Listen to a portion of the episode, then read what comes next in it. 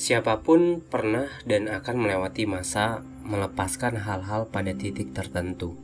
Baik itu orang yang disayang, hewan peliharaan, teman, atau sekedar lulus sekolah. Kita akan mengakhiri untuk memulai kembali. Melepaskan berarti menyadari bahwa beberapa orang adalah bagian dari kenanganmu. Tetapi mereka bukan bagian dari takdirmu. Hatimu mungkin akan terasa berat dalam melepaskan, tapi waktu akan membuktikannya. Yang kamu lepaskan akan kamu lupakan. Dan masuklah ke babak yang paling berat, yaitu memulai kembali.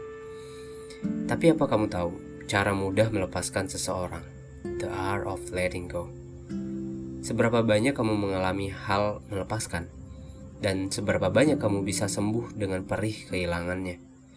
Seberapa banyak kamu bertahan dari pilunya sebuah perpisahan? Seberapa banyak kamu menimbun rasa sakit karena berharap untuk tetap bersama? Seberapa banyak?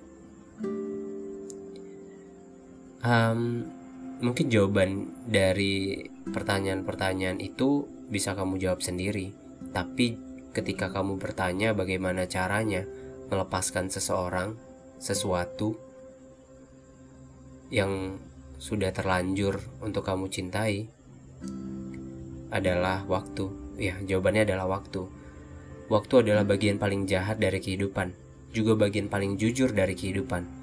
Kita akan kehilangan, kita akan tergantikan, kita akan ditemukan, kita akan menemukan. Seberat apa pun hari ini, toh semua akan terlewatkan. Dan itu karena waktu. Kamu akan melupakan sesuatu karena waktu. Kamu akan melupakan dia karena waktu. Kamu akan memulai kembali karena waktu.